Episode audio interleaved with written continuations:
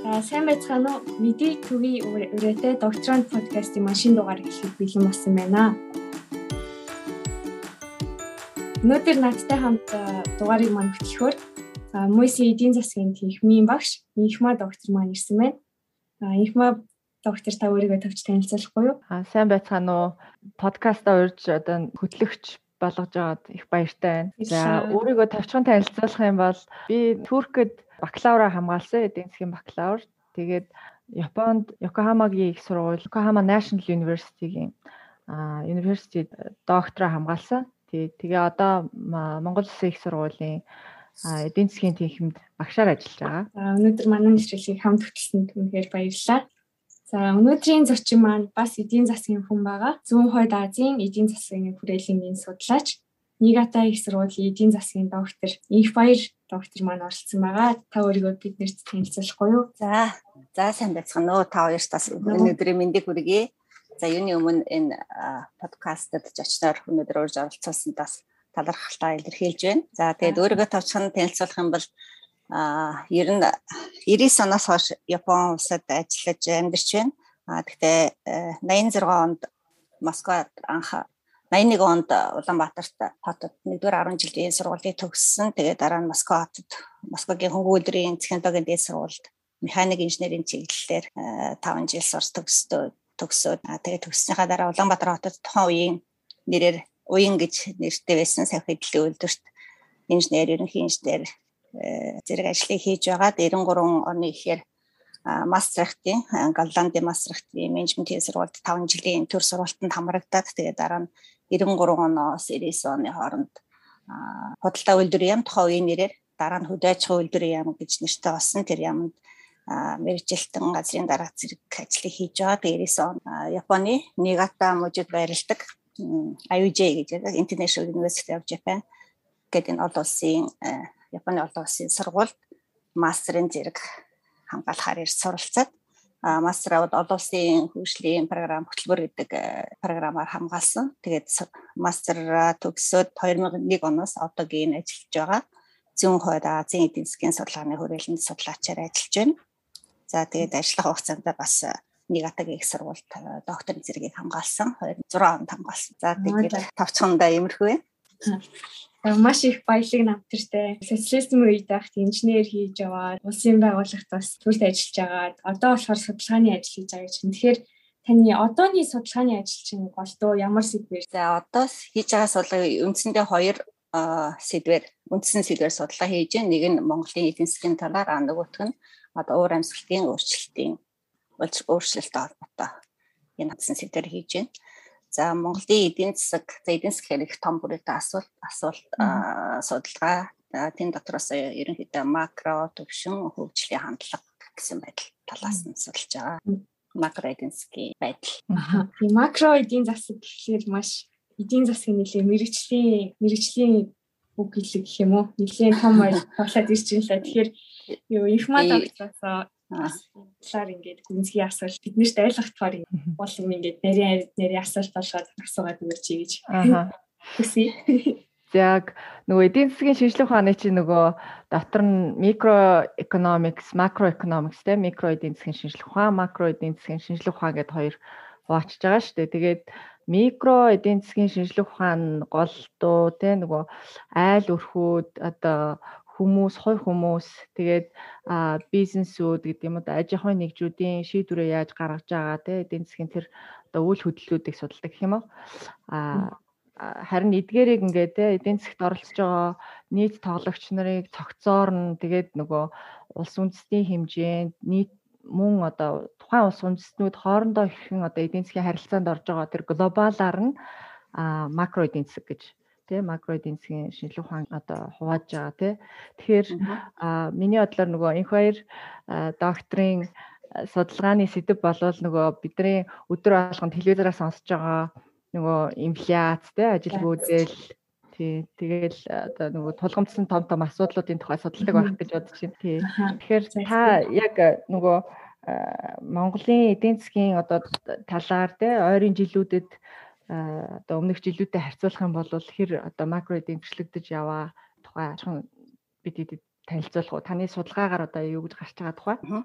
За ерөнхийдөө яг төрөн хэлсэн миний яг үндсэн мэрэгжил бол инженерийн мэрэгчлэлтэйсэн. Аа тэгээ Японд хурж ирээд одоо мак эдийн засгч хөгжлийн эдийн засгийн сургалтаас эхлээд ерөнхийдөө эдийн засгийн судалгаа руу орсон байгаа.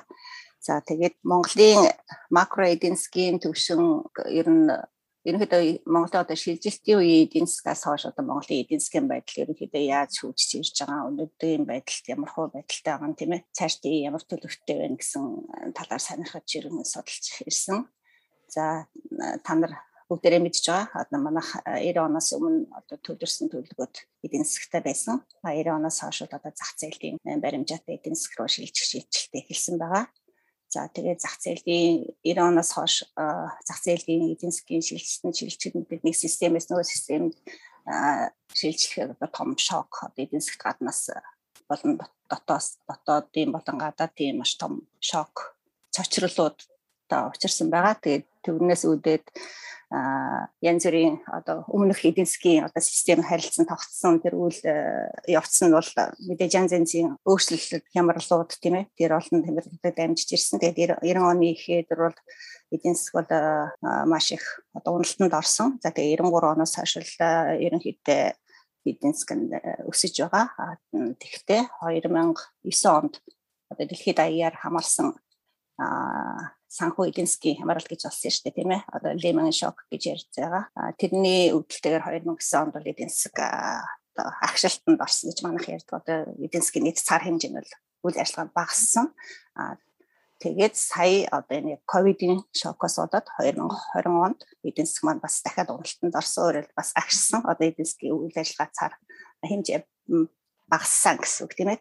Тэгээ 20 21 оны яг ихний хагас жилээр одоо нэг 20 онд угаасаа нөгөө багассан жижиг болсон эдийн засаг чинь 21 онд арай жоохон эерэг хандлагатай болоод арай ихний хагас жилийн байдлаар бол өсөлтөд гарсан байлээ. Тэгэхээр за яг ерөнхийд нь дүгнээд одоо шилжилтийн өмнөх эдийн засаг шилжилтийн дараах эдийн засаг гэсэн нэг ерөнхий хоёр том макро хамтлагын одоо бүтцтэй байна л та Монголын эдийн засаг. Шилжилтийн өмнө бол ерөнхийдөө ажилтнууд илүү төлхөө хөгжижсэн ажилтнууд хөдөө аж ахуй тэгээд хичээлгээ гэсэн тийм ээ гол гол одоо эдийн засгийн бүтцүүд ерөнхийдөө тэнцвэртэй. Аа тэгээд ажилтнууд нь бол давангаалах чиглэлээр ажилтнууд дотроо боловсруулах ажилтнууд manufacturing гэж ярьдаг тийм ээ. Одоо боловсруулах ажилтнууд давангаалсан ажилтнууд хөгжиж байсан бол за одоо яг шилжилтийн дараах үеийн эдийн засаг маань яг ажилтнууд бас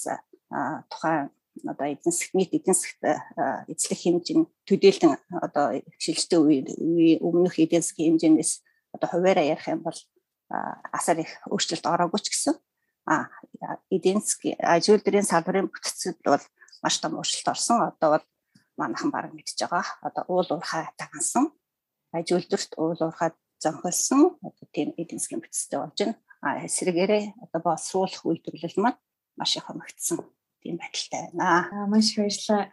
Монголын эдийн засгийн яг чухал чухал юу нийгмийн үе давхаргуудаар маш гоё одоо 30 жилийн шилжилтийг маш товч бөгөөд тодорхой тайлбарлаж өгсөн танд баярлалаа. Тэгэхээр юу одоо таны ажиллаж байгаа зүүн хойд Азийн судалгаа хэр зүүн хойд Аз гэхээр яг яг ямар ямар?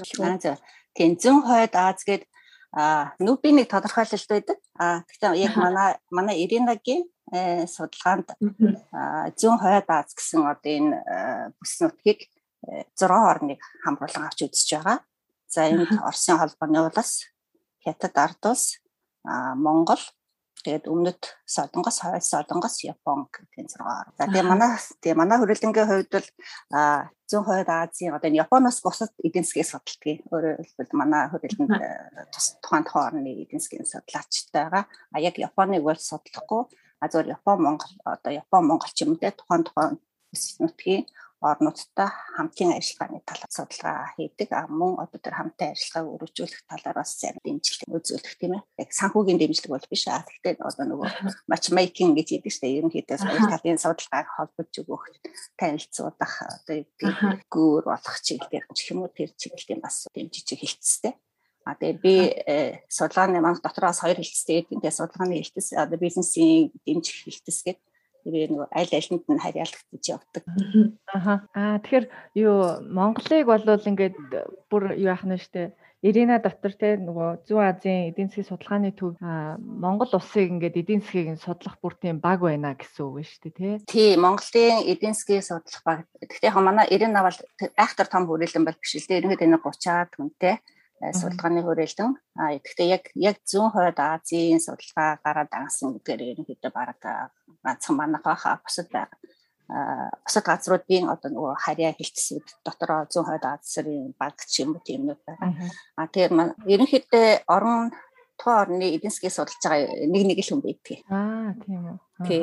Тэгээ яг дотроо хоорондоо ингээд нэг хамтарсан юмнуудтай хийвэл нөгөө баг болгоор хамтарч судална тийм ээ. Жишээлбэл одоо зүүн хойд Азийн худалдааны э, чиглэл худалдааны хилцээр байгуулах тэр нэг үр дүн юу болох вэ тэр гэвэл бид зэрэг Монгол ганцхан Монгол биш те бусад орнуудтайгаа харьцаатай жижиглэнтэй. Тэгээд э, Оросын холбооны улс гэдэг чинь ерөнхийдөө том орон э, нөгөө Аз Аз зүүн хойд Аз биш одоо Европын орнол руугаа хамааруулцдаг. Манайх зүүн хойд Аз гэдэг хамааруулж үзээд хамааруулж үзээд байгаа байхгүй юу.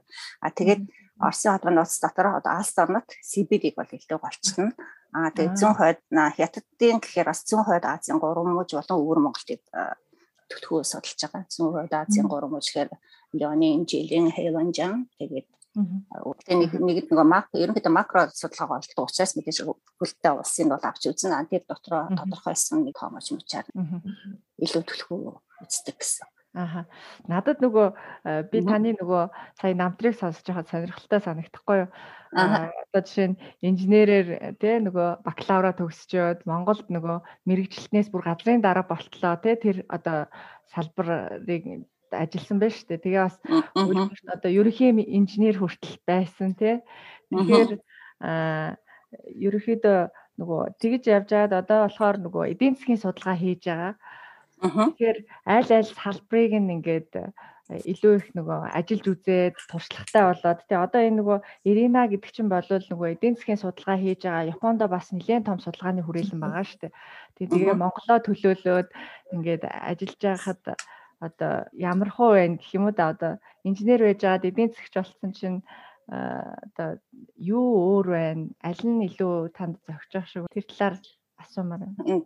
Тий тий ерөнхийдөө одоо яг инженерээр одоо яг тухайн үйлдвэрлэл аж ахуйн нэгждэр гэх юм уу тийм ээ? Одоо эдийн засгийн бүрэлдэхүүн эдийн засгийн чи ерөнхийдөө эдийн засгийн агентууд гэдэг бид нар нэрлэж байгаа шүү дээ одоо хувь хүмүүс өрхийн өрхүүд одоо хувь хүмүүсийн худалдан авалтыг а тэр хувь хүмүүсийн худалдан авалтыг бий болгож байгаа үйлдвэрлэл тийм үү?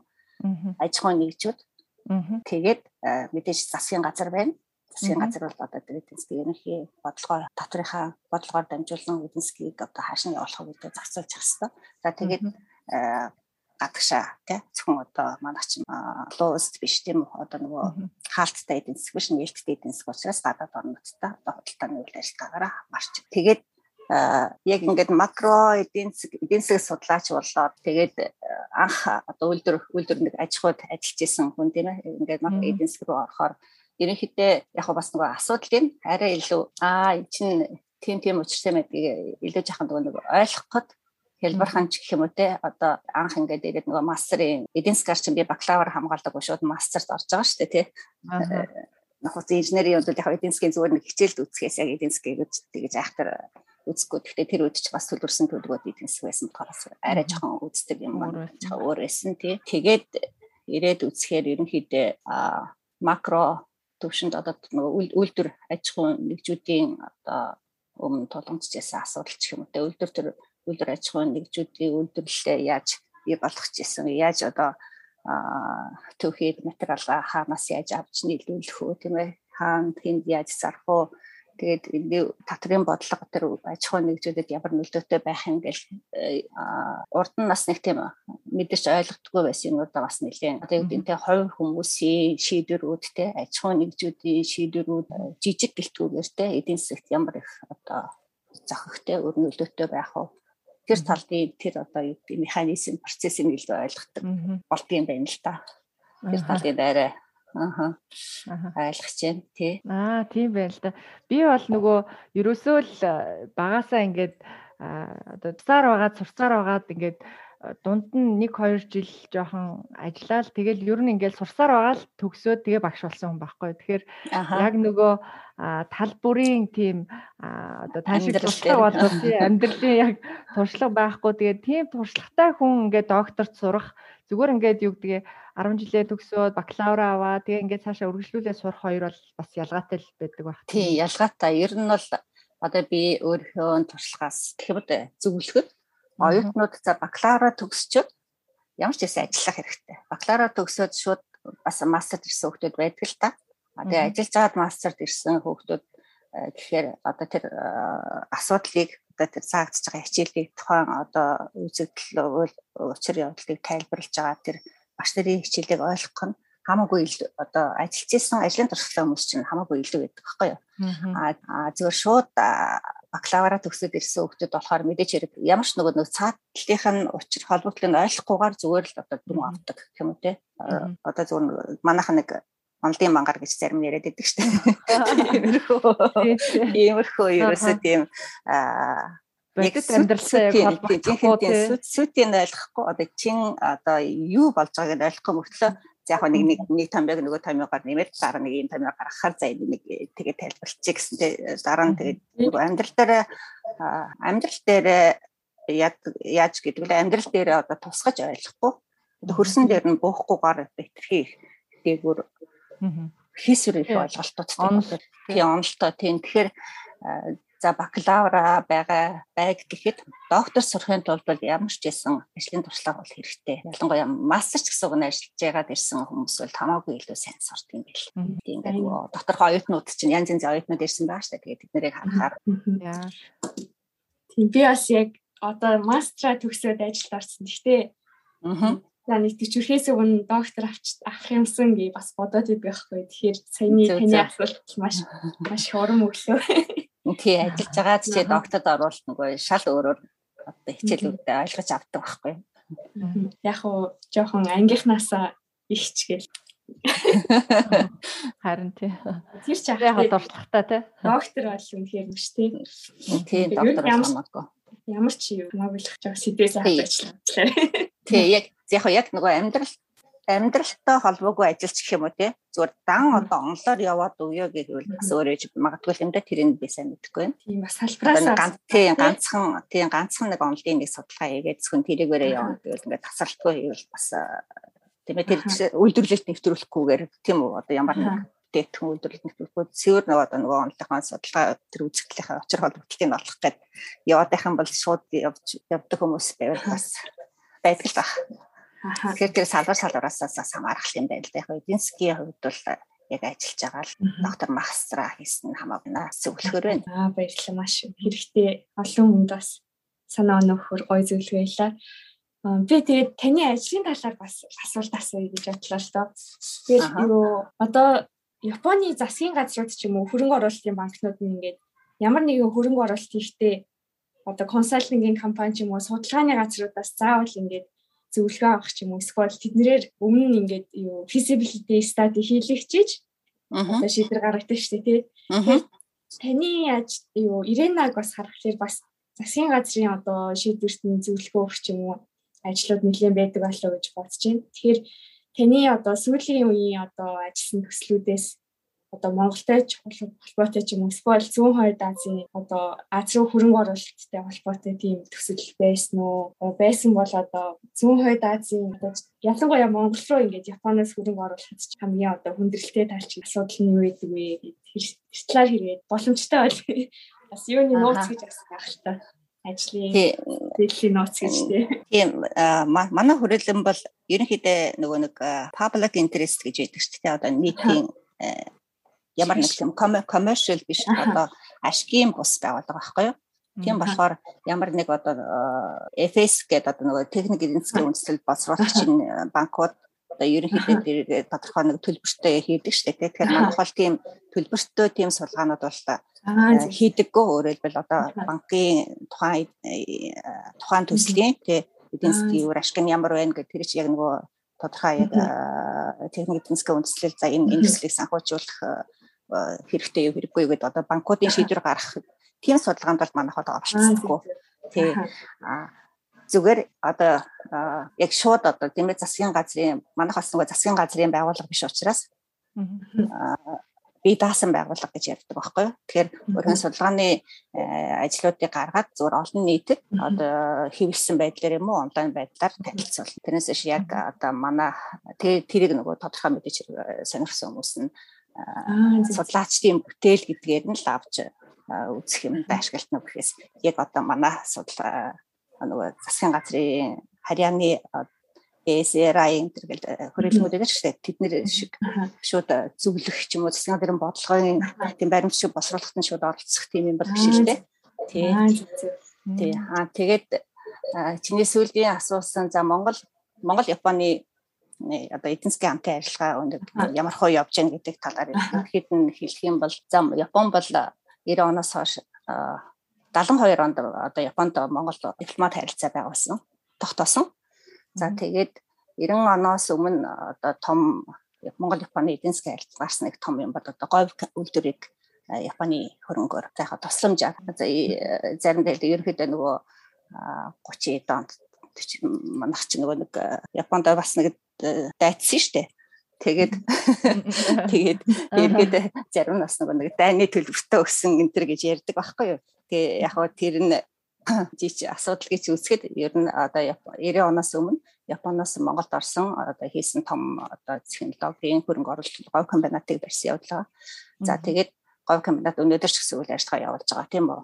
Одоо ноолорын бүтээгдэхүүн ноолороос аваад бэлэн бүтээгдэхүүн хүртэл бас ээж бүрэн одоо дамжлагтай үйлдвэр. За тэгээд 90 оноос хойш Япон бол мэдээч Монгол Монголд бас 91 онд 90 оны хэр манайх Азийн хөгжлийн банк, Бэлгийн банк гэдэг одоо гишүүн болсон тийм үү. Өмнөх одоо сэвэн орнууд эдийн засгийн хамтын эдийн засгийн харилцан туслах зөвлөл гэж одоо хуучин социалист орнуудын байсан тэр тэр систем ч одоо системтэйгээ хамт нөрөн унсан учраас одоо манайх дараачийн одоо эдийн засгийн одоо том санхүүгийн байгууллага гэсэн гэж орох шаардлага байна шүү дээ. Тэр тэр шаардлагын үүднээс одоо шилжилт зах зээлийн харилцаанд орж байгаа гэсэн үгнээсээ Дэлхийн банк, Азийн хөгжлийн банкны гишүүн болсон. Аа тэгээд 97 оноос Дэлхийн хултааны байгууллагт гишүүнээр орсон. Гэх мэт л одоо гол гол одоо эдийн засгийн санхүүгийн бодлого тогтоодог одоо санхүүжилт өгдөг тэгээ тэр байгууллагын гишүүнээр ажиллаж байгаа. За тэгээд тэр дотроос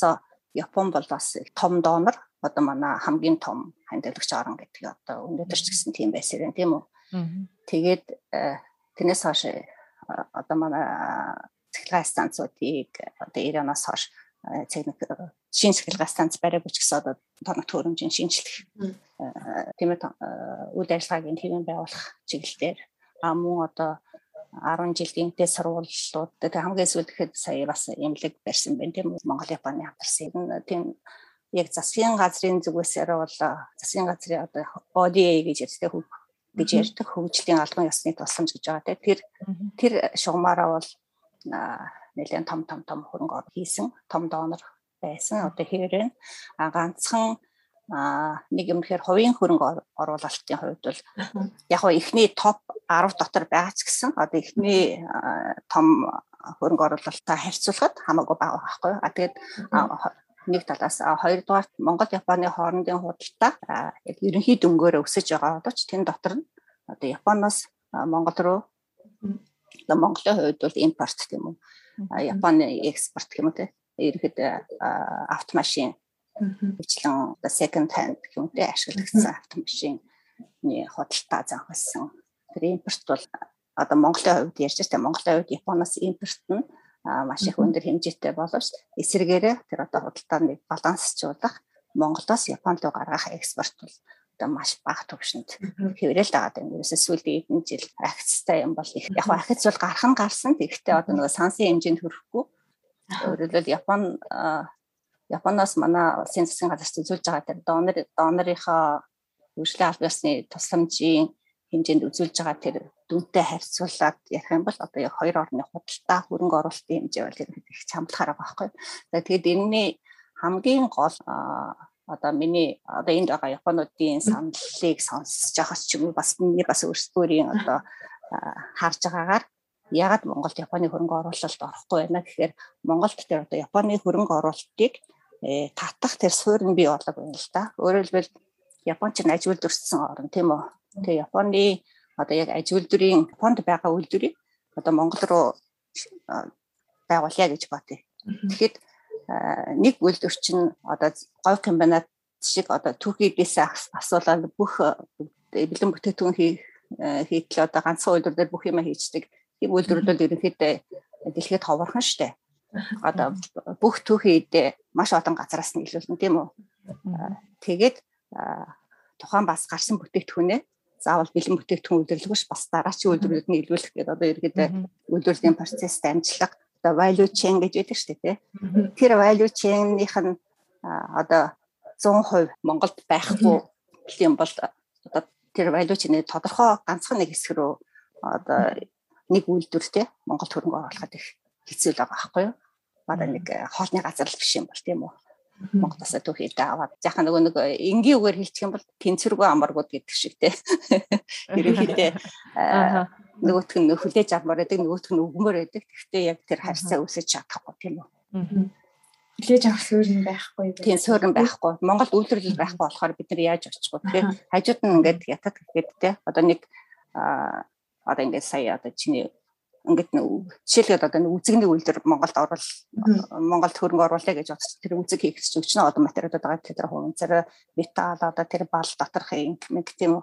Тэгэхээр тэр бүрийг чинь тэр үйлдвэр чинь өөрөө үйлдвэрлэхгүй байж магадгүй шүү дээ. Тэр одоо инк хийдэг хин үйлдвэр болчин тийм үү. Пластикийн үйлдвэр, хуванцар үйлдвэр гэдэг тэр үйлдвэр чинь бүгдийг өөрөө үйлдвэрлээд тэгээд тэрийг үзэг хийдэг тийм үйлдвэр гэж юм хэд байхгүй шүү дээ. Тэгэхээр үзэг өгсөртэй нэг үйлдвэр энэ тэр балгийн нэг доторх алын нэг өөр газараас аавн хуванцрын нэг өөр газараас аавн төмөр байх юм бол тэрийг өөр газараас аавн тэгэхээр тэр хуванцрын үйлдвэр тэр балны үйлдвэр доторх тэр нөгөө химийн тий шингэн балын хийдэг үйлдвэр нь а тэр төмөр одоо юу гэдгийг ишин листийг хийдэг. Тэр үйлдвэрүүд нь Монголд байхгүй бол тэр үйлдвэр Монголд очиж ажиллахад айгүй хэцүү байгаа тест. Тэгэхээр л хамдаг нэр тийм гад битэл. Тийм тийм. А 90 оноос өмнө бол манайх ерөнхийдөө Монгол Монгол орн чинь за гол гол хоёр том үндсэн түүхийдтэй түүхий дээр бол их э, баян орн баггүй юу.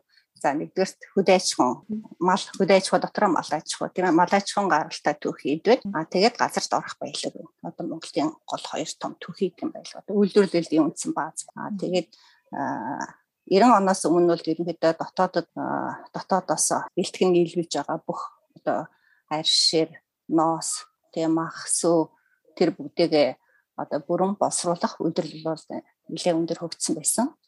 Бараг дотоодоо бэлтгэдэг юм аа бараг 100% дотоодоо боловсруулаад зөвхөн бэлэн бүтээгдэхүүн экспортлдог байсан бол одоо бол эсрэгээрээ болцсон байгаа тийм үү. А уулуурхайн хувьд бол 90 оноос өмнө одоо Эрдэнэт гэл Монгороос Цветмет гэх том том бүлгүүд мэдээж байсан. А тэдний 97 оноос хойш ингээ манайх одоо хамгийн амархан одоо монголох гэх юм уу тэгээд дамжлага багтаа гэдгээрээ ч юм уу за ерөнхийдөө эдийн засаг тэр нөгөө хямралаас сэгэхийн тулд уул уул уурхаагаараа бид одоо Монголд яг тэгэхээр хамгийн анх нэг 97 онд алт гэж басруулж ирсэн. Тэгэл алт ухаж эхлээл тийм ээ. Алт чинь мэдээж ухаад авчихад илүү мөнгө хөрн одоо хурдан л одоо эдийн засгийнхаа тэг хөрөнгө олох илүү одоо валют олох хамгийн тийм хэлбэр гарц гэдгээ утгаар нь л манахан тэр хөтөлбөрийг уул уурхаагаа хөгжүүл тэр боловсруулж эхэлсэн л дээ. Тэгэл дараа нь одоо зис гэдтэй том том хөрөнгө оруулалтад одоо оюу толгой тэгээ таван толгой гэдэг нөөс арт зисний өрсний түүхий дээрээ түшгэлээд эдийн засгийн гол одоо юу гэдэг тийм орлогоо болж байна. А тэгэхдээ энэ уул уурхайн түүхийдийг боловсруулах үйлдвэрлэлүүд бол маш их том хэмжээгээр маш их хөрөнгө шаардлагатай үйлдвэр учраас одоо тэрийг одоо эцсийн бүтээгдэхүүнтэй цэвэр зис хийх юм уу эсвэл цэвэр төмөр босруулах үйлдвэрлэл хувийн хөгжлийн хөгжлийн хэмжээнд баг баг хөгжиж байгаа болооч их том одоо эцсийн бүтээгдэхүүн хийх хүртлээр бол одоо уул уурхайн үйлдвэрлэл хөгжиж амжаад түүхий хагас босруулсан түүхий гаргаж байгаа. Баяжуулсан шороо гэсэн үг тийм газараас авах авсан юм а жоохон концентрацийн нэгсгээд тэгээд тэргээ баяжуулах гэж яриад байгаа. Тэгээд баяжуулсан баяжмал экспортлж орлого олж байна. Тэгээ уулар хайгаас гадна хувийн хөвчлийн хэмжээнд хөрөнгө оруулалтыг нэмэгдүүлээ гэвэл ялцчгүй үйлдвэрлэлийн чадвах гэдэг юм хэрэгтэй үйл тий үйл тий үйлдвэрлэл үйлдвэрлэл тэгээд үйлдвэрлэл хийхэд за түүхийн эдээс гадна бас хүний хүчин зүйл маш чухал тийм одоо мэрэгчлээ болсон хүчин байх хэрэгтэй. Тэр тухайн үйлдвэрлэлд ажиллах чадах. Тэгэхээр тэр тэр Монгол орн чинь бас ерөнхийдөө хүн цөөтөө ажиллах хүчил хувар орны нэг штэ. Тэгэхээр яалтэгэхээр хятад интертэй бол өрсөлдөд хэцүү болчихж байгаа. Тийм тэгээ хятадтай өрсөд хэцүү байна. Бас дараачийн нэг асуудал нь Монгол бас нөгөө далаад гарсгүй орн тийм ээ. Тийм далаан тээврэл ер нь дэлхийд дээр хамгийн хямдхан тээвэр. А тэгээ төмөр зам гэхээр тэр чинь тодорхой бий бүтц хэрэглэн заавал те далаа дээр уус хөлөг онгоцоо барьчих юм бол тэгээ шууд бас яваад өгчнө. А бусад тээвэр бол замаа тавина.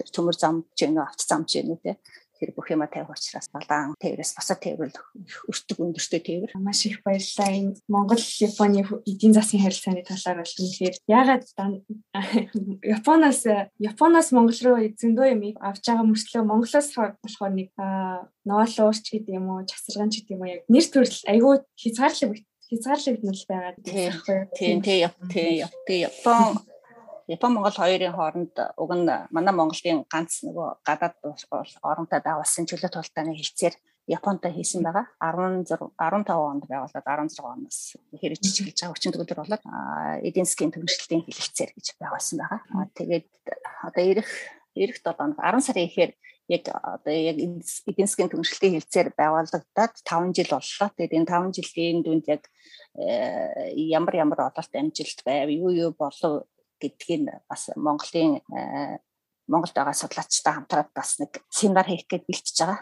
Аа за. Тий. Семинарын тэрэг тэрэг хэрэг сонир 10 сарын 8-нд хөтөлбөр энэ төрн гарцсан байгаа. Тэгээ яг одоохондоо бид нар тэр нөгөө тэр семинар семинараас гарсан одоо өгүүлэлтийн манахаас одоо манай энэ хүрээлэнгээс э, сэтгүүл гаргадгийн тэрэнд бас тавья гэж бодож байгаа. Японд орчуулагдчих тавьдгийг. Гэхдээ бид нар дандаа нөгөө Монголын судлаач энэ удаа дандаа монголчууд хоорондоо монгол хэл дээрээ семинараа хийгээд нөгөө зүүмөр хийн Монгол явж чадахгүй учраас. Тий тэгээ зүүмөр хийгээд тэгээд нэг хэрэг тэнд сонирхсан хүмүүс байх юм бол хүүхдүүд орж бас тэнцэнээс асуултаа тийм ээ тавьж болно. Аа би бас санагц. Тий XTX их сургуулийнхан байгаа гайл гайлынхныг оролцуулна. Тэгээд бизнесийн үйлдвэрлэл бизнесийн сургууль гэж байна тий худалдаа үйлдвэрлэлийн тий худалдаа үйлдвэрлэл их сургууль гэж байгаа тий. Тийм тэдний багш нар хартаа дарч хийх юм. Тэгэл би танарт нөгөө линкийг явуулъя. Аха. Ер нь тэр э, семинар дээр таны хийсэн судалгааны одоо гол гол үр дүнгээс та урьдчилаад ярьж болох? А тэр тэр судалгаа тэрийг болохоор арай болохгүй. Одоо эхний ээлжинд үгүй болохгүй гэж нөгөө Монголын судлаачдын хийж байгаа Монголын хүмүүсийн юм сонсъё гэд тэнд бол би өөрийнхөө судалгааг бол танилцуулахгүй. Аа. Тий, хаа зүгээр миний хийсэн э, нэлийн дээр үед одоо эзэнсгэн төвшлэгийн хилцээр хийгээс өмнө хийжсэн зүгээр одоо ерөнхий тэнцлийн загвар гэж байдаг шүү CJ. Аа, CJ. Тий, ерөнхий загвар ашиглаад зүгээр өөр нүдэн ямар ахаа гэснийг судалгаа хийжсэн. Аа тэгээд Тийм. Тэр судалгаагаар бол яг яг яг эдийн засгийн ерөнхий одоо макро төвшөнд үзүүлэх нөлөө бол нэг төдийлэн сайн биш байсан л да. Яад гэвэл манахаас угаасаа Япон руу гаргаж байгаа экспорт маань угаасаа зүг баг. А тэгээ баг гаргаж байгаа экспортын татварын хэмжээ бас Японд бас нэг тийм их өндөр биш.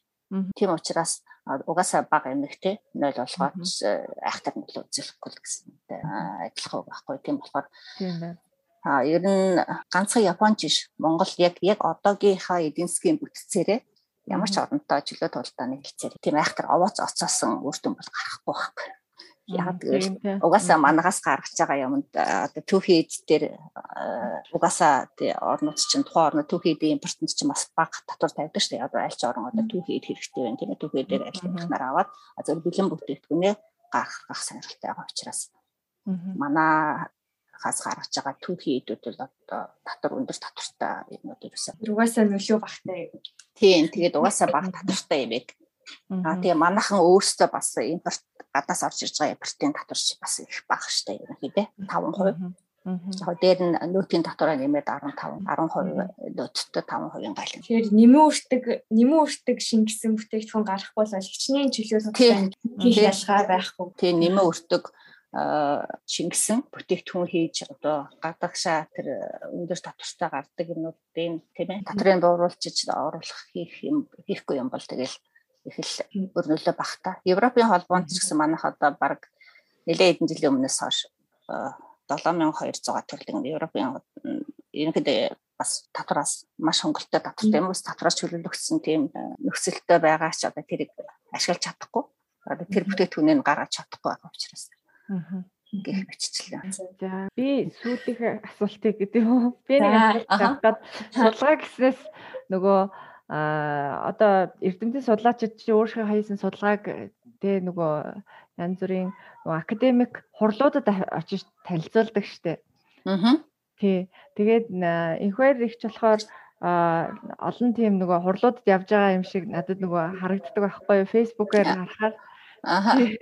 Тэгээд та ер нь ямар ямар хурлуудад очиж оролцдог вэ? Яг өөрөө тавиагүй ч гэсэн бас очиж сонсоход те нөгөө техник гэдэг шиг гоё хурлууд болдог штэ Японд. Аа тий. Японд яг хуу янз янзын хурлууд бол болно. Аа тэгээд манайх манай хурлын бас өөрөө бас хурал хийдгийг жил болгон зүүн хойд Азийн эдийн засгийн хөгжлийн баг хурал гэж ядгийн жил болгон өвлөгийг тэр тэр хурлын э, эрчим хүч байгаль орчны чиглэлийн э, хурлынх нь ерөнхийдөө сүүлийн үед би бас дардлаад яваад байгаа.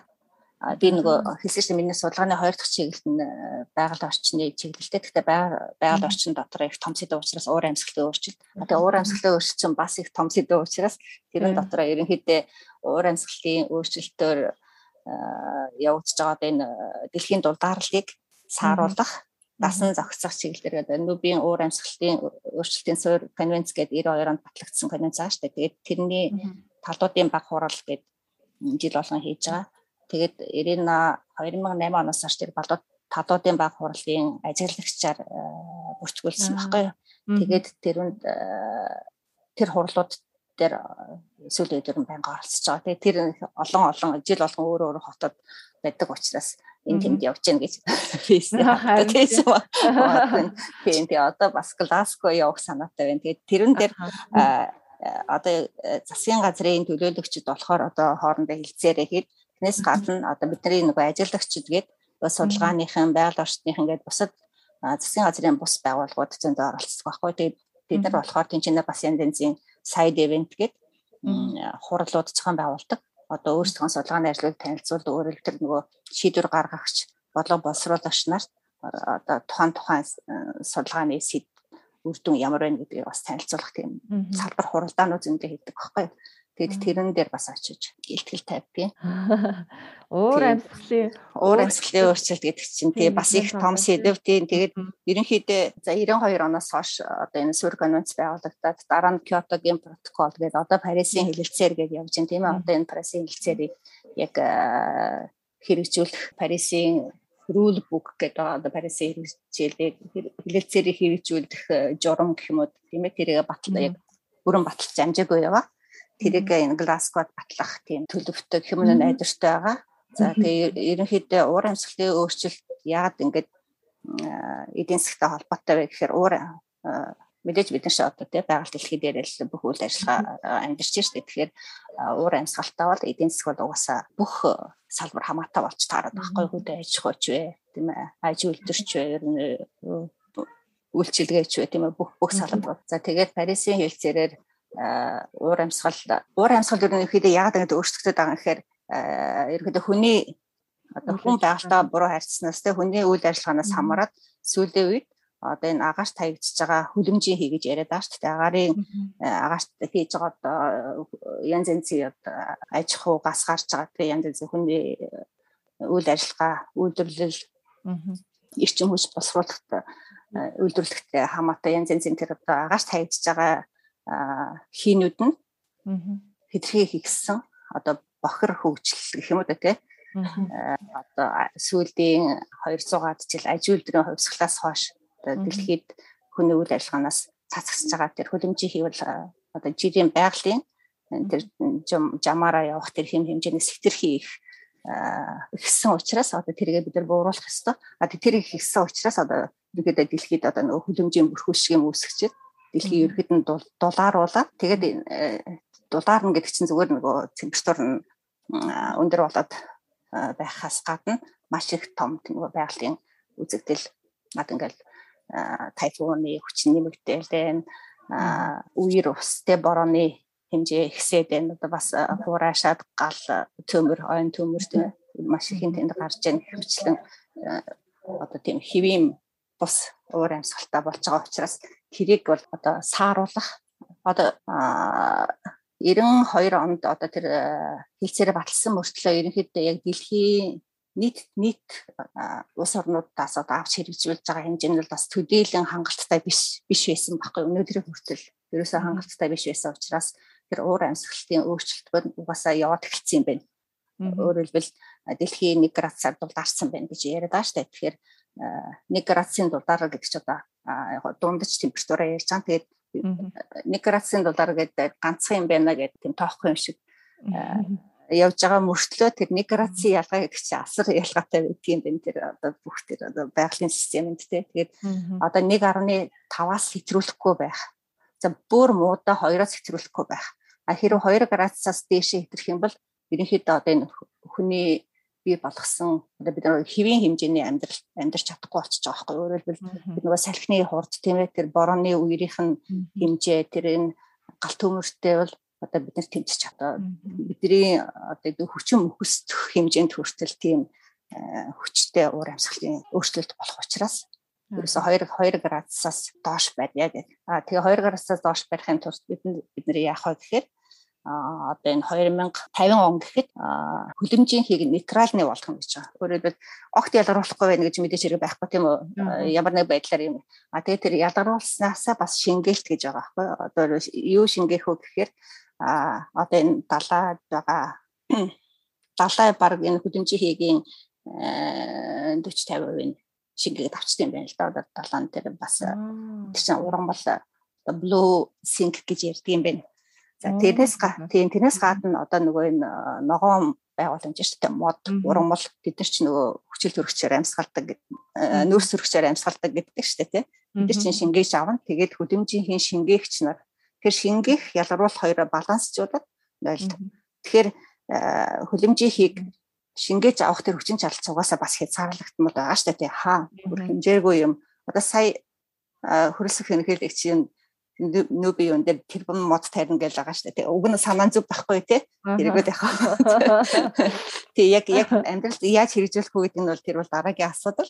Ерөнхийдөө ямар ч хэлсэн тий мод тарья тийм ээ. Хүлэмжийг хийгээ багасгахъя гэх. Тэгээ манайх чинь бас гол эрчим хүчээ нүүрсээр хангаж байгаа шүү дээ тийм үү. Тэгэхээр цэрэгдэх эрчим хүч яг сүүлийн үед бол нэлээд хэдэн том салхины болон нарны эрчим хүчний төслүүд хэрэгжиж байгаа ч гэсэн баг 90 гаруй хувь нь л угаасаа нүүрс болон одоо хөд аймагуудын зарим газар нөө дизель станцтай байгаа тийм. Тэгэхээр тэгэхээр бидний Монголын эдийн засгийн одоо үйл ажиллагаа явуулахдаа одоо үүсгэж байгаа хүлэмжийн хийг нь бол бас одоо нэг нэг хүнд нь огтхоор нэлээд өндөр орнуудын тоонд ордог байхгүй. Эхний топ 5 байна уу 6-д орж яваа.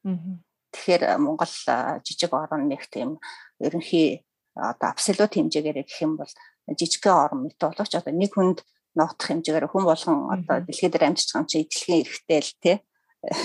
Ижлэхэн одоо карбон футпринттэй байна гэж ярих юм бол Монгол бол бас хараанд орсон байгаа улсуудын нэг байгаа байхгүй. Тэгэхээр одоо энэ нөөцний станцуудаа шинжилэх гэх юм уу? Одоо сэрэгдэгч юм хүчтэй байх хүчрээ илүү хөрөнгө оруулахын чиглэлээр бол бас явахгүй бол одоо хамгийн сүүлийн жишээ гэхэд Европын холбоо CAR SWAM гэдэг Carbon Border Adjustment Mechanism гэдэг одоо карбоны хөлийн э, тохиргооны механизм гэдэг хэрэгжүүлж эхэлж байгаа байхгүй. Тэр нь юу гэхээр тухайн нэгж бүтээгдэхүүнийг тухайн нэг бүтээгдэхүүн одоо юу ч гуталж байдаг юм уу цамцж байдаг юм. Тэрийг үйлдвэрлэхэд гаргаж байгаа нэг төлөмжийн хий байгаа шүү дээ тэрийг одоо одоо хичнээн цахилгаан хэрэглүү тэгэл юу тэрийг үйлдвэрлэхэд гаргасан тэр хөлөмжийн хий Европын холбоонд үйлдвэрлэхэд ямар одоо нэгж бүтээгдэхүүн хичнээн одоо тоннтой хичнээн грамм нүүрсглийн хий хөлөмжийн хий оногдож байна.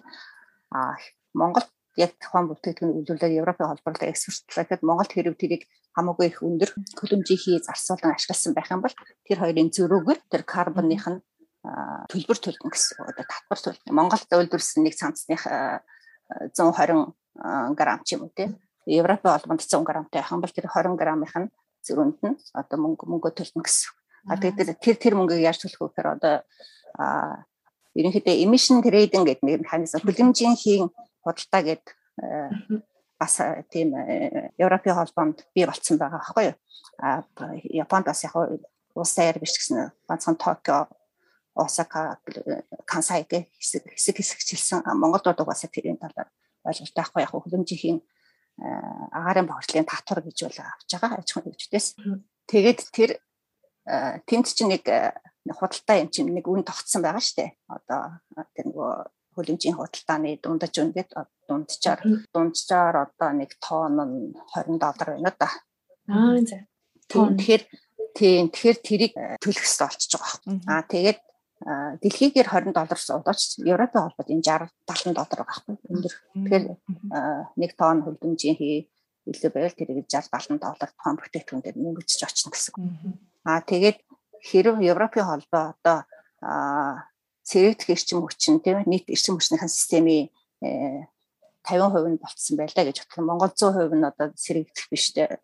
За 90% нь гэж бодъё те 10%-аа сэрэгдэхээр хийчлээ.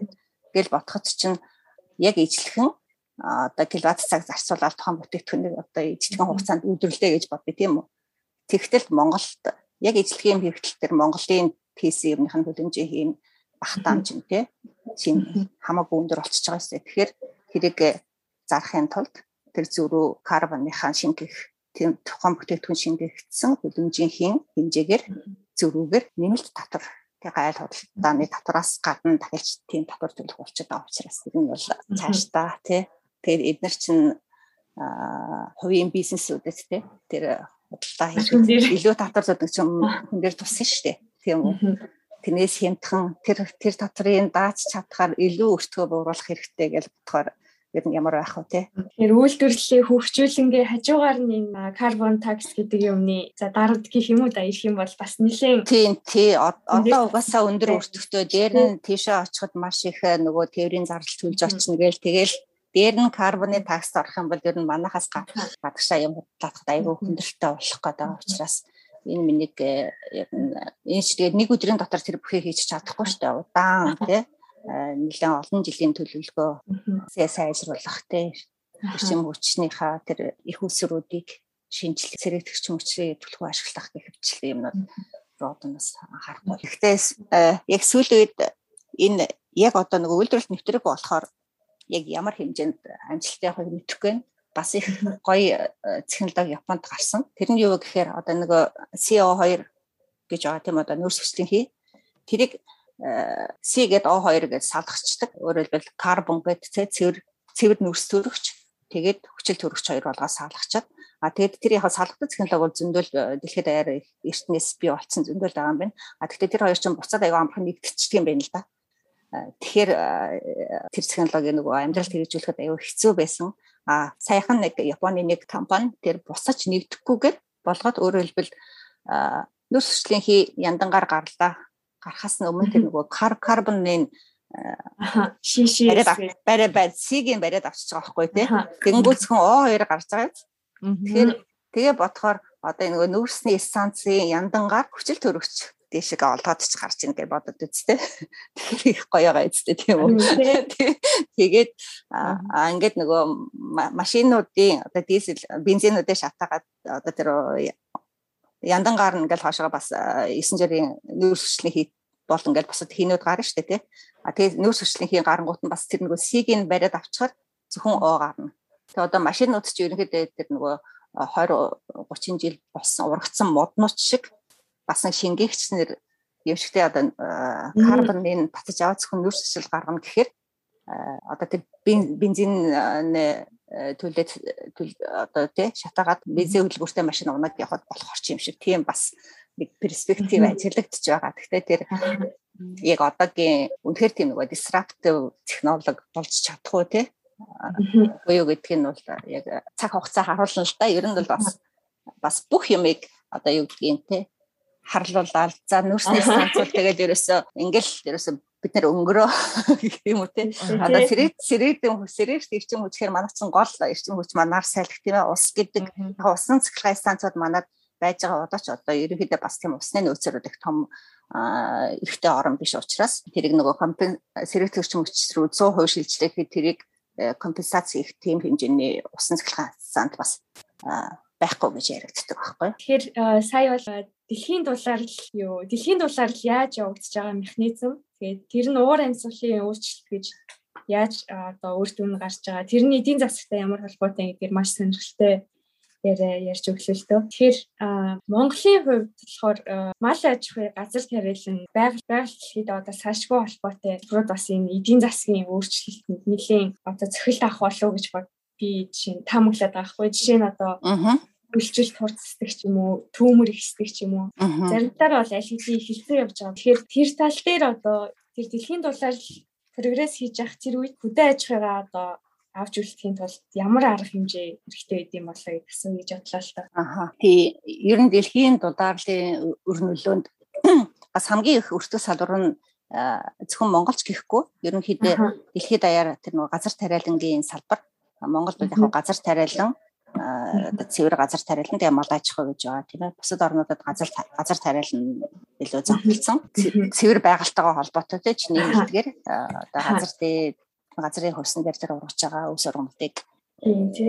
хамаатаа тэр аж ахуй байна штэ тий аа тэгээ Монголд бас нэг Монголд ер нь яагаад тий газар тариалан биш? Мал аж ахуй илүү дээрээс ингээд олон жил хөгжөөд эхэлсэн бэ гэхээр яг Монгол орны уур амьсгалтайгаа л дасан зогцсон байдал байгаа байхгүй юу одоо эрс тест тийм ээ зун нь халуун өвлөн хүүтэн аа тэгээд нэгдүгээр хоёрдугаар тэр Монголын одоо энэ ойн бүрхөвч ерөнхийдөө бага орн орн шүү маш бага тийм одоо 10% хувиас дэше доош яваад нэг хэсэг бүр 6% хүртэл багассан байсан. Одоо нэг 11% тэй нэ. 11% руу хурж чадсан уу юу? Одоо 8 8% тэй чинь жоохон жоохон сэргээсэн. Тэгэхээр ой ойн бүрхөвч яад маш бага байна гэхээр угаасаа нөгөө тал хээрийн бүс нутаг Тэгэд тэр нөгөө хөрсөн их нэмхэн байдаг юм байна л да. Өөрөөр хэлбэл тэр нөгөө мод урах чинь их тэр нөгөө урт том том үндсэн дээр тогтох ёстой шүү дээ. Тэр өндөр том юм чинь тийм үү. Тэр тэр том өндөр хөрс модны хөрс чинь нэлээд зузаан хар шорон дотор урах ёстой шүү дээ. Гэтэл Монголын тэр тал дээрийн их их юу чинь одоо манайх нэг хүүхдийн зулаа шиг гэдэг чинь нэмхэн байдаг юм байна. Тийм болохоор дандаа дандаа тий. Доошогоо тэр нөгөө нэг шавар одоо тэр нөгөө хөрсөн тэлхэргүй одоо чиггүй ч юм уу тийм чулуу шавар юу гэдгийг тэр органик давхар тийм тэр тийм дээр нь байдаг яг тэр нэг үржил шинтэй яг өвс ургамал ургах тэр үндсийн тэтгэх тэр их хөрсөн их нингэн байгаа учраас тэрэн дээр мод ургах ямар ч боломжгүй. Тэгээд дандаа манайч надад тийм тачирхан ургамлууд байдаг шүү тийм үү? А модон урахаар яг уулынхаа арлууга ургадаг өвөрн дандаа нэг өвсөөр гэсэн байдаг шүү дээ тэгээд уртлын ард руу нь одоо нэлээд цуцаа шараа байдаг юм аа тий.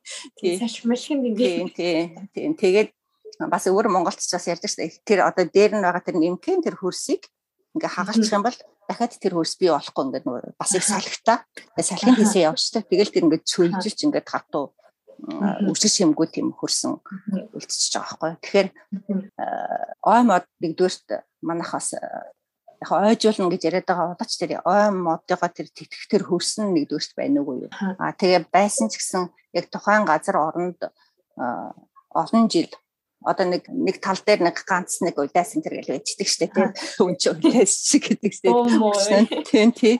Тэгэхээр хэрэг тэгээд тухайн ойгаа ингээд тий ойжуулах юм бол тэр өнчин уйлааснаас өөр авч тарих ч юм уу тийм үү? Яа тэгэл тэр олон жилийн тэр одоо байгальтын хатуу ширүүн бүх цохилтуудыг сөрөөд тийм ээ тэнцээ амьдраад нэг чинь тэрний генийн нэг шал өөр уран бол юм болчихж штэ тэгэхээр Монгол тийм тэрийг бас одоо ингээ ойж удах тэр юу тарихта дандаа нөгөө гаднаас авч ирсэн тий. Гаднаас авч ирсэн юм чинь одоо хүний арчилгаан дунд л одоо байнга л арчилгаагаар зодож байнга ус олж ил тэгэж ил ургуулахгүй юм бол услахгүй байх юм бол тэгэл өвчтөг одоо энэ ногоон хэрэмгээл одоо 2005 оноос хойш төлбөр хэрэгжүүлж байна нэлээд их мод тарьж байгаа боловч манайхан манайхан гэж одоо негатагийнхан бас сайн шандат нэг төсөл хэрэгжүүлдэг байхгүй юу Тэр нь нутгийн ургамлыг таримлжуулан өргөжүүлэх гэдэг. Аа тэгээ ягаад тэгвэхээр одоо тэр бас нөгөө гол автозамаар дагсан бас нэг ойн зурус байгуулах нөгөө ногоо хэрэмхлэгчд орсон. Тэгээ тэр ингээд зам дагуу ингээд явж хахад дандаа мод тарьсан байдгийг одоо ингээд жижиг жижиг мөчрөө суулгацсан тий. Тэгэл хойд нь ирэхэд ерөөсөө ургасан юм ерөөсөө байхгүй. Тэгэл тайрж идэг ерөөсөө ургадаггүй. Тэгээд тэрний гол учир нь юу гэхээр дотоодоос ч гэсэн одоо ганцхан уйлаас гэхдээ хангаа уйлаасыг авчиад говьд ханган ханган улаасны өрөө хүсэлгээд говь давж тавьчихаар ургаж чадахгүй амьдрч чадахгүй. Тэрийг байнга л хүн услахгүй юм л дээ байнга хүн услах гэдэг чинь бас зөндөө олон зардал юм уу тийм тийм тийм тийм их мөнгө төсөв хөрөнгө бас байхгүй штэ тэр. Тэгэхээр нутгийн ургамал тийм тармилж болно гэдэг нь тэр нутгийн ургамлаас нь үр аваад тэгээд нутгийн ургамлаа яг говьд тохирсон аргаар нь суулгах нэг тийм туршилт хийж үзэх гэдэг байна. Тэгээ бид нар нэг жоохон гүнзгий суулгаж үзэх бас гэх бас нэг тийм технологи байдаг юм байна л да. Тэгээд тийм тэгээ бас их сони юм билээ. Одоо ингээд үндэслүүлээд байхад ургамлын үндэс чинь ингээд нэг тал тал тийш ингээд тарж үндэслэдэг штэ. Тэгээ говийн говийн тэр үндэслүүлэхээр ингээд тэр чигээрээ доош яваад өгчдөг. Сулуух дараа доош. Тэгэхээр тэр тэр хөрс яг тэр тэр нөгөө говийн хөрс нь дээгүүрээ чиг нь биш жахан доор байна да тий. Тэгэхээр тэр лүгээ тэр угаасаа тэр нөгөө дээр нь хөрс байхгүй гэдэг тэр модны ген чи өөрөө ойлгож шүү дээ. Монгол ургамлцсан бас өөрөөсөө амьд амьд тийм чинь амьд битц юм чинь тий. Тэгээд шууд доошоо урагчдаг. Аа зүг зүг. Тэгэхээр тэрийн жижигхэн нэг юунд биш те анх ихтэй илүү тийм гүнзгий тариад тэр гүнзгий доороос одоо чигээ цаашдаа авах. Тэгвэл дараа нь хүний оролцоо шаардаад байхдаа байнга услаад байх угаар тийж амьдраад орох болцоотой гэж үзээд байгаа. Аа тэгээд тийм тэгээд тэрийг Жакагийн төслөөр урмал ч бас их удаан технологи нь бий болдог. Жил ганц л удаа үрдэнг нь үздэг учраас тийм үү. Нэг хувцас сонор шиг за буруу ижлээ хандлцлаа дахиад ойчих их юм байхгүй тий. Тийм болохоор их удаан хэрэгжиж байна л да. 2008 оноос хойш л үзээд байна. Одоо энэ нэг хэсэг завсарлаад энэ энэ оны 10 сараас дахиад эхэллээ. Ковид ээс үүдээ 2 жил бас юу хийж чадсангүй тий. Тийм 2 2 м урах гэж баг 10 10 жил 10 хэдэн жил болно тий. Тий, тий, тий, тий. Аха. Тэгэхээр ялцчгүй тэгвэл яг тэр орон нутагта өөрөө ургаад ирсэн ургамлыг ингээ ошруулах нь хамгийн бодит. Тий, хамгийн илүү бодиттой, хамгийн өртөө зардал багтаа. Тэгээд амьдрах чадвар хамгийн өндөртэй тийм л үйл ажиллагаа болох юм байна гэж бодоод байгаа. Яг одооноос маш Монголд яригадад бас хийгдэх магадaltaй ажил болохоор харин авааштай тийм. яг өөрийнхөө нэг цэцэрлэг дотор бол өдөр тутам ажиллаад ургуулна гэхгүй юм бол ер нь нутгийн юм ал тарих хэрэгтэй бэл. Тэр одоо гаднаас гой гой модны өөр гой цэцгийн өргөл ингээл авчирч тарж ясан даа бол тийм ээ. Тэр нь юу урт хугацаанд эдийн засгийн зардлаа ботсон ч гэсэн. Тийм тий урт хугацаанд эдийн засгийн зардлаа ботсон ч гэсэн тухайн ургамлын амьдрах чадвард нөгөө тухайн орчинд дасан зохицох чадвар нь ч гэсэн тухайн нутгийнх нь л дурамлыг тарж үржүүлэх хэрэгтэй юм. Аа баярлалаа. За нэлийн гоё олон өргөн үрээтэй сэдвэр ярьлаа. Яриа л ивэл яриа л юмар юм. Харин тий яриа л юм. Түрүүн нөгөө мал аж ахуй гээд за тэгэл одоо яриул тэгээд дуусахгүй юм болох юм байна л та. Харин тий. Мал аж ахуй дээр гэхдээ товчхон таны тий мал тий мал аж ахуй манайч одоо нүүдлийн мал аж ахуйтай байгаа штэ. Аа тэгээд тэрийг яг сүүлийн үед ашиг шимийн нэмэл тийм байран малгаанд оруулна гэж их ярьж байгаа. Гэхдээ яг миний хувийн бодлоор бол бид нөгөө байран малгааг нэг их эсрэг нэг тийм дэмжлэггүй. Тэгээ яагаад гэхээр хэрэг одоо байран тийм фермерийн аж ахуй үнэхээр Монголд ашигтай байсан бол дээрээс хойш хөгжил ирэх байсан байсан шүү дээ тийм. Тийм социализм үеэр ч юм одоо бүр бүр одоо хэдэн мянган жилийн өмнөөс уламжлалт мал аж ахуй гэж яриад байгаа шүү дээ. Дүүдлийн мал аж ахуй. Нүүдлийн аж ахуй гэдэг нь яг л түрүүний миний ярьсан шиг тэр нөгөө урмал дээр ярьсан шиг тэгэл нөгөө дасан зогцсон. Тухайн мал нь маш халуун маш хүйтний одоо өөрөө төсвөрлөж чадах тийм гентэй мал байх нь шүү дээ манай нүүдлийн малууд тий. тэрийг байран малгаанд оруулах оруулах юм бол одоо байнгын өвөл хүйтэн болохоор чинь гадаа гарахаар хитрхи их тийм одоо юу гэдэг чирэг биш мал болчих болчих дээ. Тэгэл айгүй халаалт хэрэгтэй. Тэр чинь бас их маш их зардал гарна тийм үү тий. Тэгэхээр байнга барин малгаанд одоо энэ гадных энэ фермерийн аж ахуйн хараад хар чинь байнга л хашаанд тэгээд чинь байнгын одоо дулаан тэгээд жилийн агарын температур нь нэг айхтар өндөр хэлбэлцэлтэй биш одоо баг хасах гараас дордуу газар талаанда фермерийн аж ахуйд одоо хөгжөөл тэр чинь нэг айхтар том дулаалахта байшин сав хэрэггүй зүгээр нэг сарвчин дотор ингээл одоо энэ Японыг харж хахад тийм тэгэл байж их юм ба шүү дээ. Тэгэхээр ийм л орнод байран малгайтай мал аж ахуй эрхэлдэг юм байна. Тэгээ яг социализм үед байх нь байсан л да. Гэхдээ ерөнхийдөө үнээр зодчил тэрийг хийжсэн. Аа зөв. Угаасаа угаасаа байхлаараа болохгүй юмыг болохыг ихлээр ялцчихгүй. Тийм. Тэгэхээр тэгээ олон жил ингээ байран маллаханд тэр малаа байгуулад байгаад хар чин тэр малчаа одоо нөгөө төсвөр хачууд хатуужилдгүй мал болчих дээ. Тэгээ хүүтэн хүүтэн хаалганд төтрөл садахгүй. Тэгэхээр тэр хөдөөд өгчихгүй тий их хаалган байвал тэрийг хөргөж хөргөж өгч юм эсвэл тэгээ хүүтэн болоод байвал э, тэр мал нь э, өгчих юм билүү. Тэгэхээр тэр чинь бас халаах гэж бүүн зардал байна гэжтэй. Тэгэхээр э, тийм тэгэхээр бас нэг дэх үед нэг судлаач юм бичсэн байсан. Ер нь нүүдлийн малд аж ахуй хамгийн нөгөө эдийн засгийн үр ашигтай аж ахуйн хэлбэрээс учраас л Монголд тэр үүсэн бий болж байгаа хүртэл явж байгаа байхгүй. Тэрнээс ч тэр нөгөө тий хөрсөндөө таарсан газар тариалнандаа таарсан тийм бүрстэй байсан бол газар тариалан л хөгжсөн байх хэвээр тий. А жилийн жилийн дөрөв удиралт нэг температуртаа тийм орон байсан бол одоо юу тийм баримлага байсан ч болж байгаа жишээтэй ч юм уу тий. Аа тийм миний нөгөө дандаа яагаад ягаад ийм юм болоо ягаад одоо тийм ферм биш ийм болоо гэж боддог гэсэн юм үнэхээр маш ойлгомжтой хариулт өглөө тий. Тэг би бас нэг өөрөө хөдөө аж ахуйн мэрэгжлийн хүн биш мөртлөө бас ингэж яриад байна л да. Гэхдээ ерөөдөө олон жилийн ажиглалтаар ч юм те тиймэрхүү ойлголт авцсан. Аа зүгээр тийм биш гэж одоо мэрэгжлийн хүмүүс нь яг тэр үйлдвэр угсаа нь өөр малаа барин малганда тохирсон бас өөр янз бүрийн тэрүүгээрээ хийвэл тийм бас яг тийм нөгөө хоёр дахь опшнгууд байх нь бол байж болно л та. Тэрийг бол зөвхөн энэ байх хэрэгтэй тэр энэ байх гэсэн тийм нөгөө нэг абсолют юм бол ерөөсөө байх байхгүй шүү дээ. Гэтэ хамгийн гэтэ гол тийм уламжлалт манай Монголын мал маань угаасаа тэсвэр хачуудалцаа халуун хүйтэнд өөрөө өөрийгөө амьдрал явж идэг. Тэгэхээр Японоос бэлээж За илүү олон юм яриад. Ярьдаг байхгүй юу? Та нар нөгөө ерөнхийдөө монголчууд чинь нэг ногоонд дургу штэ ногоо идэх тийм. Тийм тэгэхээр би тэгдэг байхгүй юу? Монголд ногоо идэх хэрэггүй. Тэртээ тэргүү тэр ногоог чинь манай мал идээд Тэгээд тэр ногоогоор мах бий болгосч байгаа тэр махыг чинь бид нэр эцэж байгаа байхгүй юу. Тэгээд чи нөгөө юм нохооны мах. Тэр дунд нь үйлдвэрлэл яваад ш тэр ногоог мах болгох үйлдвэрлэл тий. Тэр бид нар ямар тэр мал биш шууд ногоо идэх шаардлагагүй. Тэгэхээр Аа тийм үг.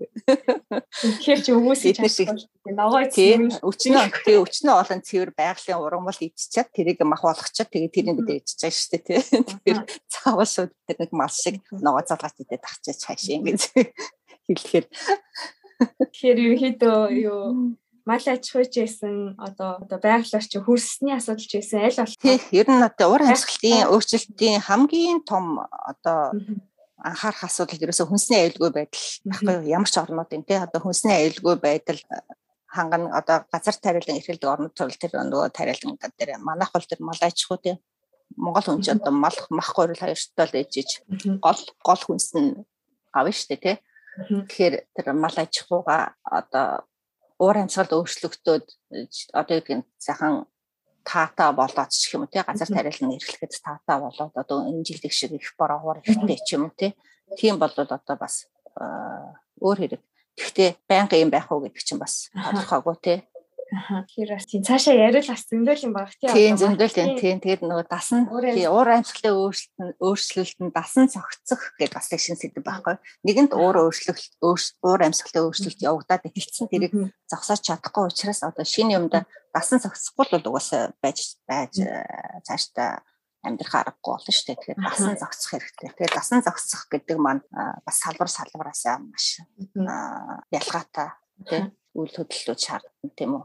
Тэгэхээр дасан зохицох гэхээр одоо зөвхөн одоо малаа явах, ургамлаа явах гэдэг асуудал биш. Жишээ нь одоо ингээд уур амьсгалын өөрчлөлтөөс болоод малаа ч юм уу алдчих юм бол одоо юу гэдэг даатгал малчид зориос одоо даатгал ч гэдэм үү эсвэл ямар нэгэн байдлаар одоо бэлчээрийг хамгаалах тийм одоо ботлох ч гэдэм янз бүрийн тийм яг тэр шууд одоо газар малтайгаар харьцахаас гадна тийм одоо юу гэдэг бодлогоор зохицуулах юмнууд бас байдаг бах тий тийм бодлогоор зохицуулах юмнууд одоо их дасан зохицоход их олон тий удаан жилийн процесс шаардлагатай болно шүү дээ. Нэг э, маш хурдан одоо жишээлбэл одоо амтан ургамал гэдэг маань дасан зохицох тэр процесстэй хүнч гэсэн э, өнөөдөр нэг байсан маргааш гинтг өөрчлөлтөл шал өөр хүн болчихно гэж байхгүй. Тэр чинь бас нэлээд одоо юу гэдэг нь амьдралын туршлага сургалт юу болж иж нэг тэр үн чинь өөрчлөгдөж штэ тэрүүнтэй адилхан л одоо шинэ өөрчлөгдөж байгаа тэр дэлхийд одоо Монгол хэтэрхийх дулаахан болоод одоо бүх тал нутгаар нь ингээд өв сургамлан сайхан болоод байх юм бол тэр бэлчээр юм ална тийм ээ. Одоо тэр хөрсөнд айхтар зузаан болчих болохгүй юм бол тэр тэр чимэн хичнээн тийм уур амьсгалын тата нөхцөл байсан ч гэсэн тэр тэр газрыг цэвэр ингээд тагалчих юм бол тэр өвөр Монгол шиг гашуун туршлага байна гэдэг шүү дээ. Хөрсөн тэр чигээрээ тэг салхин салхихгүй болохгүй юм бол тэг салхиар хийсээд тэр хөрсөн хийс явчих. Тэгээ дахиж тэрийг тал болох гэдэг аюу хэцүү болж байгаа гэж яриад байгаа байхгүй тийм. Тэгэхээр тийм байдалд хүрэхгүй тулд яг л бэлчээрийн мал аж ахуйгаа яг энэ хэвээр нь. А тэгтээ бэлчээрийн мал аж ахуйг манайхан сүүлийн үед их ад үзээд байгаа нь. Залуучууд ерөөсөө тийшээ очиж ажиллахгүй шүү дээ. Сүүлийн малчид айгүй хөгшөрч जैन тийм үү. Одоо залуучууд мал малхаасаа илүү хот суурин газар амьдрахыг илүү үзэж байгаа тийм болохоор А тэгсэн мөртлөө зөвөрөө маханд дуртай л байгаа штэ. Дуртай дуртай. Тий. Мах идэхгүй бид нэрсхэн ногоо идээд амьдрна гэж байгаа залуучууд ховорхон л байгаа. Тий. Тэгэхээр маллаа маллахын тулд одоо үүдгийн дээр үеийн уламжлалт маягаар яг ингээл нэг хүн дагаал явдаг биш тий. Тэрийг одоо орчин үеийн үүдийн remote sensing-гээр яадаг ч юм уу.